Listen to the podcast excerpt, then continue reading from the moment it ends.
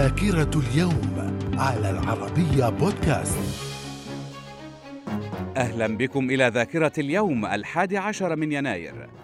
في عام 1759 ظهور أول شركة تأمين على الحياة وذلك في مدينة فلادلفيا الأمريكية.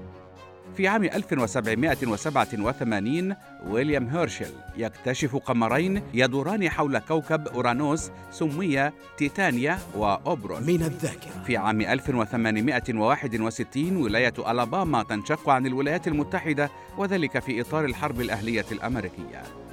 في عام 1922 أول محاولة ناجحة لمعالجة مرضى السكري بعقار الإنسولين.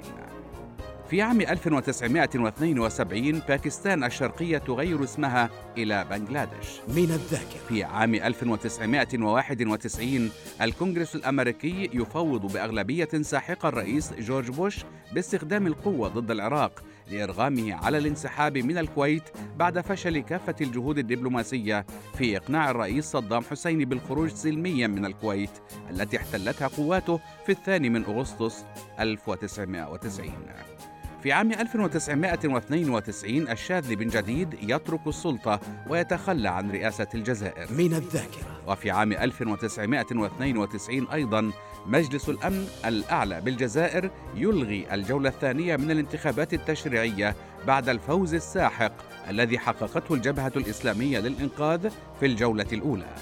في عام 2004 منتخب السعودية لكرة القدم يفوز بلقب بطولة كأس الخليج السادسة عشرة المقامة في دولة الكويت.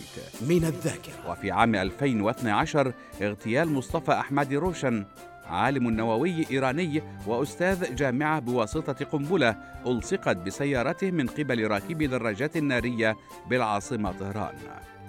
في عام 2015 القيام بمسيرات الجمهورية في كامل أنحاء فرنسا والخارج شارك فيها نحو أربعة ملايين شخص منهم حوالي مليونين في باريس وحدها بمشاركة قرابة خمسين من قادة العالم لتصبح بذلك أكبر مسيرات في تاريخ البلاد. من الذاكرة. ومن مواليد اليوم الحادي عشر من يناير في عام 1938 سعد الفرج ممثل كويتي. في عام 1963 نهى العمروسي ممثلة مصرية.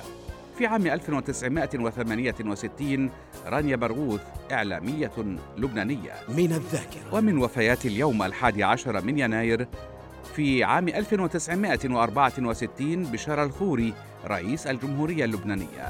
في عام 2008 إدموند هيلاري مستكشف نيوزيلندي وهو أول شخص يصل إلى قمة جبل إيفرست في العالم. في عام 2011 صلاح الدين الحسيني شاعر فلسطيني. إلى اللقاء.